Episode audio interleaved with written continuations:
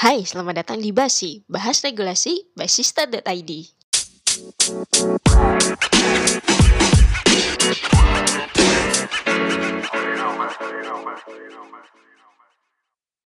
Hai semuanya, selamat datang di Basi, bahas regulasi in collaboration with Nur Indah Hilmi. Biar usaha kamu Gak basi. tentunya. Yeay. Mantap, mantap sister. Oke, nah Basi ini apa sih sebenarnya? Jadi Basi ini sebenarnya salah satu segmen lain di podcast Sihir, Sihir Sihir Basista.id. Jadi di segmen ini kita semua akan bahas fokus ke masalah regulasi di seputar dunia UMKM ya. Nah, gue di sini nggak sendiri, jadi kalian tenang aja. Kalian nggak akan mendengar suara gue yang cempreng sendirian. Jadi di sini gue ada teman namanya Nur Indah Hilmi dan dia akan apa ya sharing mengenai ilmu dia, kemudian experience dia kepada para sister semuanya. Please welcome Nur Indah Hilmi. Yeay. Kok slaving? Salah gue. Harusnya ini. Silakan deh. Ya, oke. Selamat malam, selamat pagi, selamat siang buat teman-teman sister. Halo semuanya, aku Nurinda Hilimi tapi dipanggilnya Indah, Indah. biasanya. Oke. Uh-uh. Apalagi nih? Indah apa kabar BTW? Ah, luar biasa baik. Alhamdulillah. Makin bersinar ini. Masya Allah.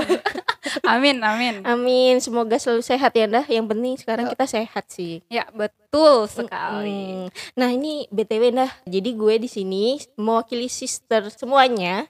Ini gue pengen nanya-nanya, pengen kepo masalah regulasi dan aturan-aturan juga hukum kan gue buta ya Banyak ya maunya ya. Ba- banyak karena memulai usaha tuh kan nggak hanya berdasarkan tekad dan strategi kan tapi kita harus tahu aturan mainnya tuh apa di sana kalau nggak nanti kan berabe ya nggak sih Ya, betul banget sih. Nah, menurut Indah nih, Indah, kalau kita mau mulai usaha gitu, terutama kalau misalnya kita tuh yang apa ya, yang modalnya tuh nggak gede gitu, Mhm. kecil gitu.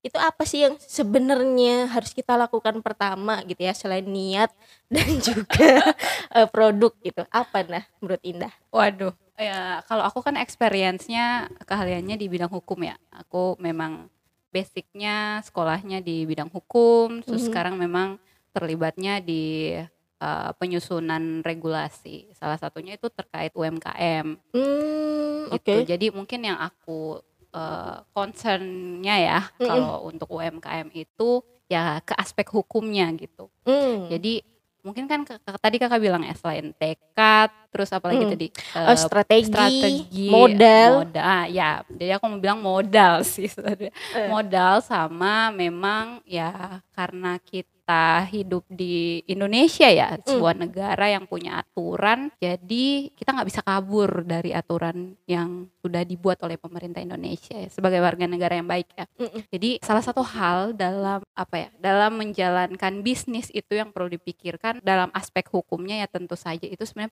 perizinannya. Hmm. Jadi teman-teman UMKM harus berpikir bagian itunya juga gitu. Hmm. Jadi Perizinan ya. eh, perizinannya. Oke. Kenapa? Mungkin banyak kali yang bertanya-tanya kenapa sih gue harus ngurus izin gitu. Padahal Benar. usaha gue kayak usaha kecil gitu. Iya. Ngapain banget? Heeh. Karena Apalagi dari rumahan loh misalnya kan. Iya betul. Hmm. Kadang kan mikir kayak ribet terus kayak ya Iya. gue malas berpajak dan lain-lain gitu gitu gitu kan. Kadang Eh. mikirnya kayak gitu. Nah, cuman mungkin aku mau ngasih beberapa perspektif sih yang Apa tuh? Boleh? yang lumayan menarik menurut. Yang pertama itu izin tuh penting. Memang ya satu yang kayak aku bilang sih itu itu ya bentuk kepatuhan kita sebagai warga negara ya. Ketika kita mau membuat usaha di negara ini ya aturannya adalah lo harus comply dengan aturan perizinan Hmm. atau sebenarnya sebelum perizinan kan harus pendaftaran badan usahanya dulu. Oh, Nah, oke. habis itu ngurus perizinan. Nah, itu kita harus comply dong. Tuh, jadi mengurus perizinan itu sebagai upaya kita untuk mematuhi regulasi yang ada. Tapi memang selain mematuhi itu juga ya akhirnya itu menjadi perlindungan hukum buat kita. Karena kita patuh Oh. dengan ketentuan yang udah dibuat oleh pemerintah. Oke. Jadi jangan sampai kan kita bikin usaha nih misalnya kita bikin kosmetik yang sebenarnya ya memang harusnya restriktif karena misalnya bahan-bahannya beresiko gitu. Mm-mm. kalau dipakai asal asal bikin dan lain-lain ya makanya pemerintah bikin aturan eh, lo harus daftar untuk ini lo harus punya bepom dan lain-lain kan Mm-mm. jadi ya harus patuh itu kalau nggak patuh ya kita bisa-bisa usahanya ditutup oleh pemerintah gitu atau ya dibubarin gitu. Hmm. karena ya lo nggak punya license sih gitu. bener. Oh iya btw nih eh, disclaimer nih ya para sister. Di basi ini mungkin bahasanya nggak terlalu formal gitu ya. Jadi kadang gue ngomong gue gitu Indah juga ngomong gue karena ya kita basically temen sebenarnya. Dan eh, mohon maaf ini kan kita ngomongin regulasi ya Bo gitu. Jadi daripada kita biar nggak boring. Iya kan? gue baca kontrak aja, kontrak klien itu kayak ya Allah sejam tuh gue nggak kelar-kelar karena kayak ini apa bahasanya nih gitu. Makanya kita santai aja bahasanya. Iya betul Nah, yang mau gue eh, tadi sambungin ya sama yang Indah eh, omongin barusan. Di gue tuh sering denger para pelaku MKM gitu ya, para sisters gitu, suka ngomong iya nih Mbak kita lagi ngurusin perizinan eh, BPOM dan lain sebagainya gitu. Dan itu tuh kadang ada beberapa peraturannya dia itu yang sedikit bukan menyulitkan ya, tapi agak berat gitu.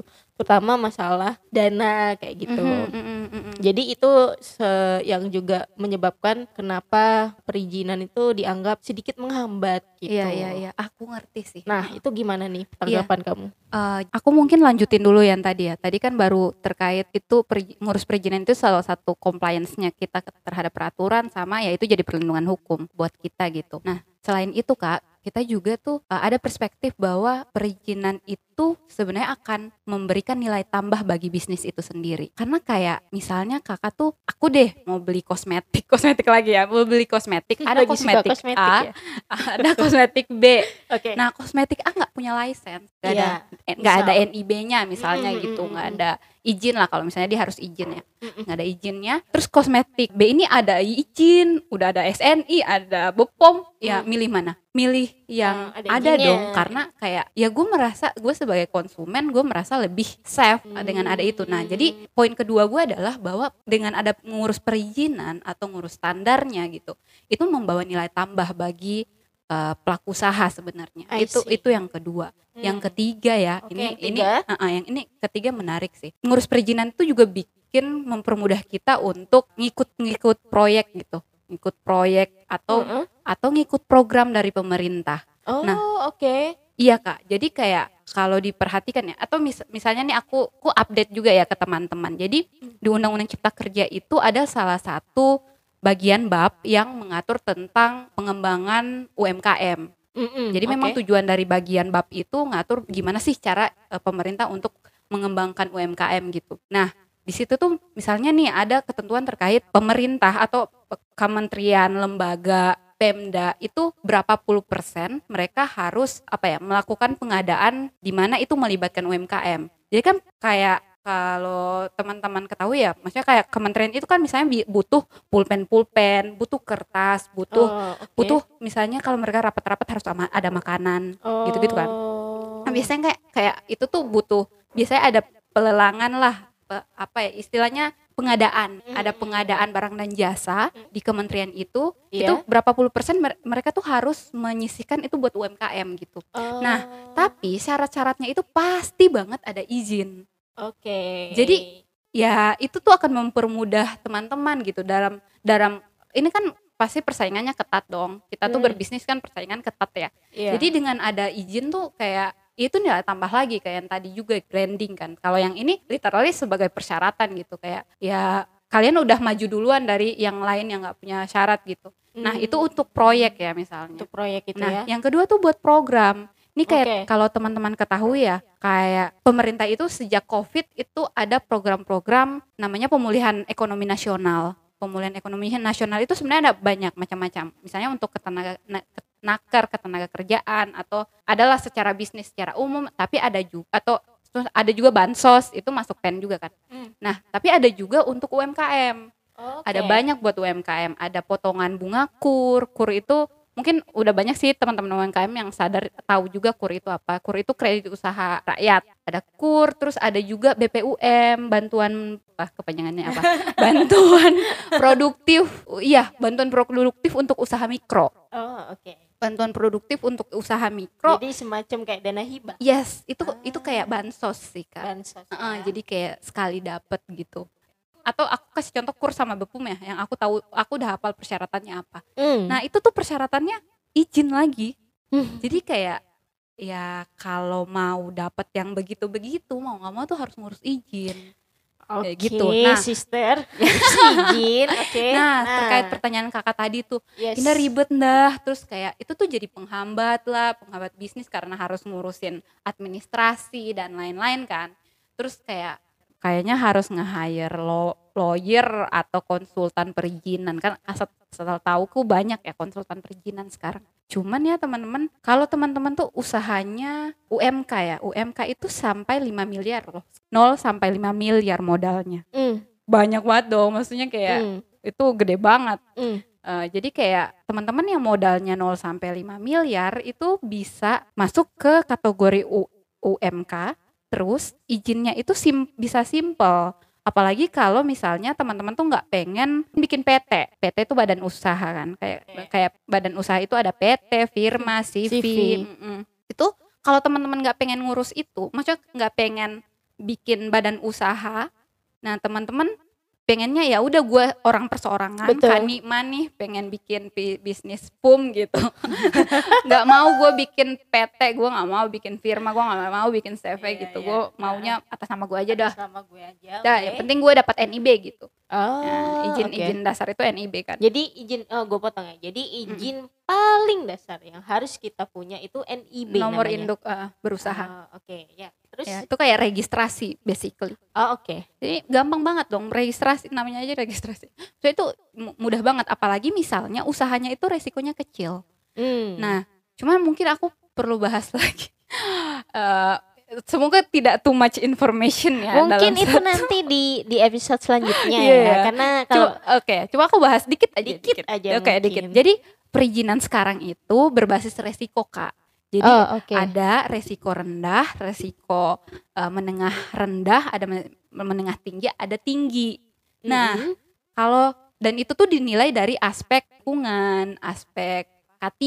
K3 itu keselamatan dan ke oh yang keselamatan kerja. kerja, keselamatan kerja sama kesehatan masyarakat. Heeh. Nah, dinilai dari situlah. Itu udah ada ana- analisisnya ya per bidang usaha gitu. Hmm. Kalau ya nggak mau terlalu detail, tapi intinya itu udah udah ada lah pembinangannya. Teman-teman bisa ngecek namanya KBLI.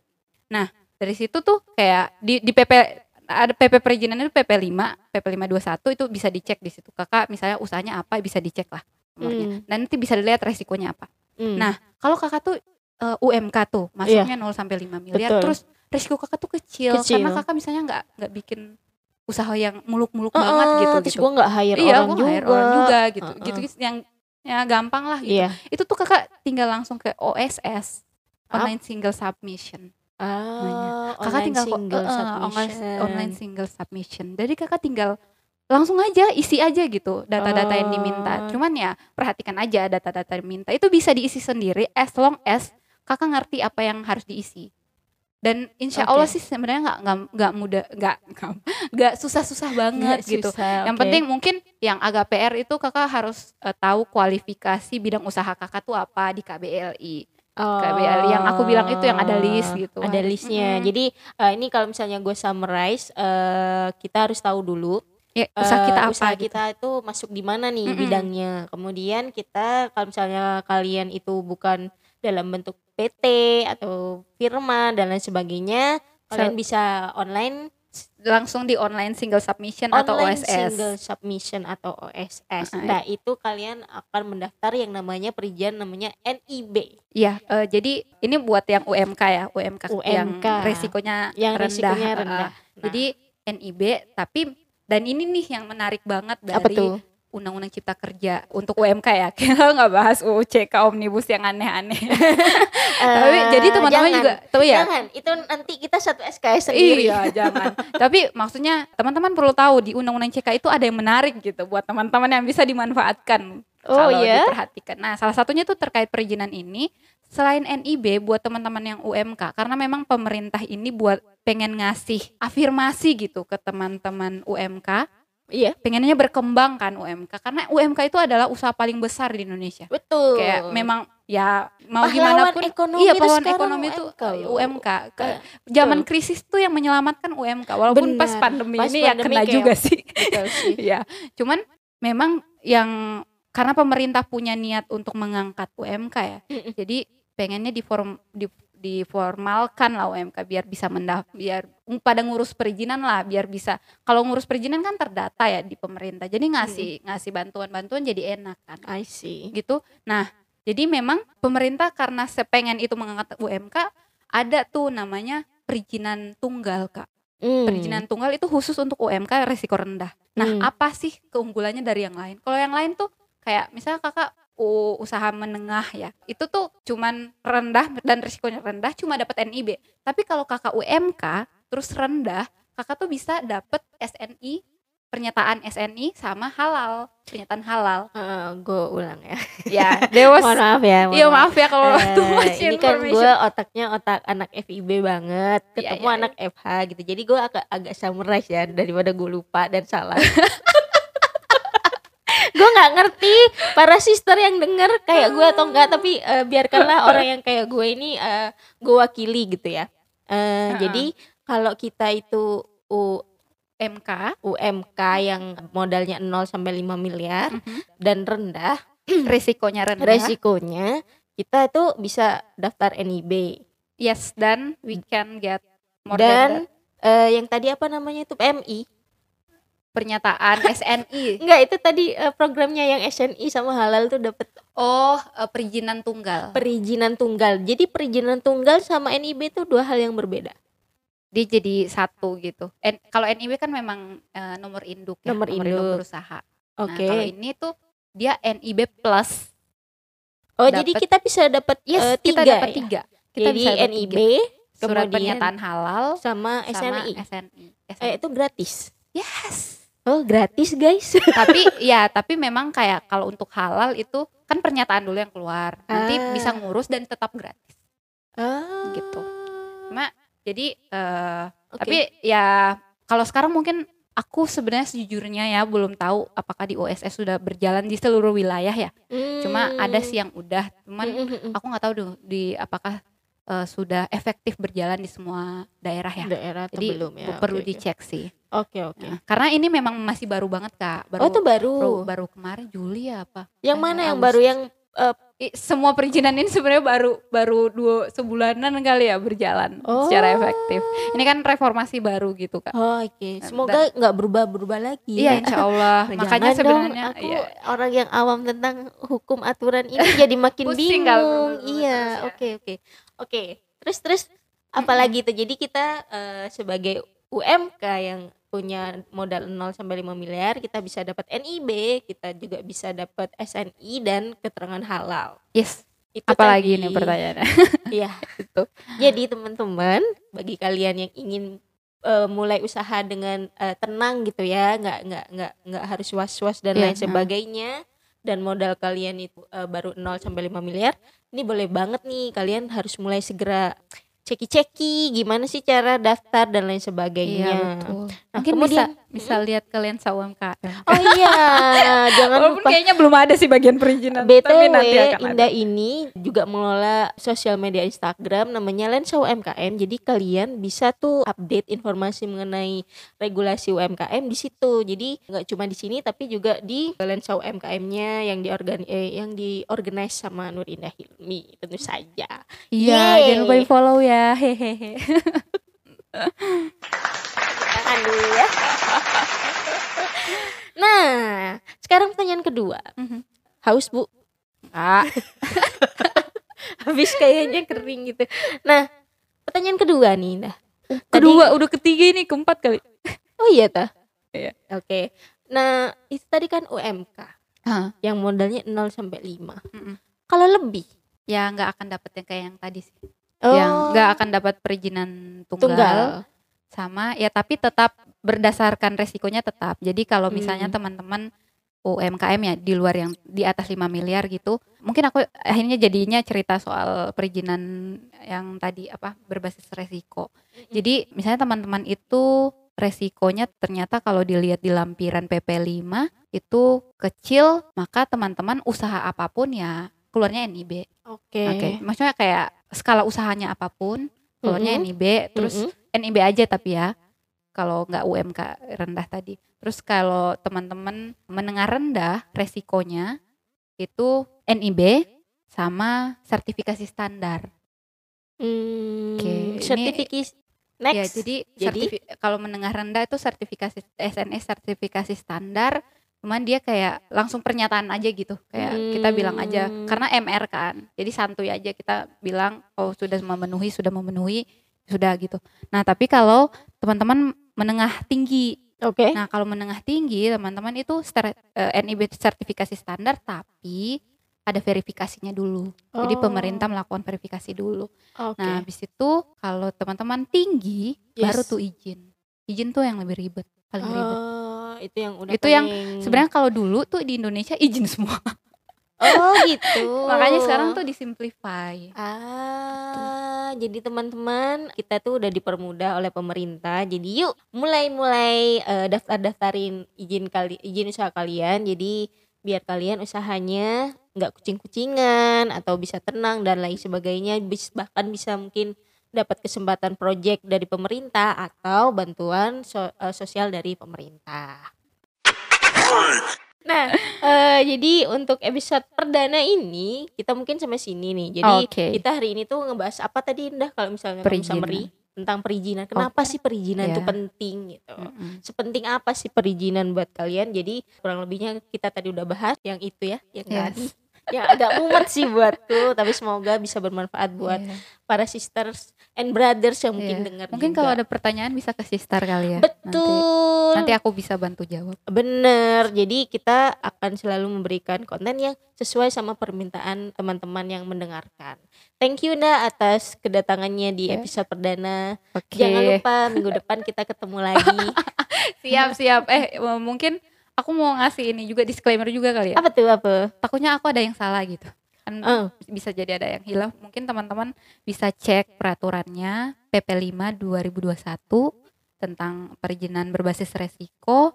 Sama bisa juga kalau pengen tahu tentang uh, UMKM, teman-teman bisa cek PP nomor 7 tahun 2021 tentang UMKM sama cek kalau pengen langsung daftar langsung aja ke OSS. Langsung klik aja online single submission. Tak langsung aja. Gampang itu. Udah kayak eh, cara daftarnya itu udah dibimbing oleh pemer- oleh oleh si sistemnya. Hmm, oke. Jadi teman-teman disclaimer barusan adalah kita intinya nggak boleh malas membaca dan mencari informasi ya. Dan jangan pikir kita ngomong ini nih udah kayak dewa yang tahu semua kayak Google. Enggak, siapa tahu ah kita ke seleo Selipet- ngomong gitu kan. gitu. Iya, jadi kami akan sangat menyarankan teman-teman untuk selalu cek and recheck juga.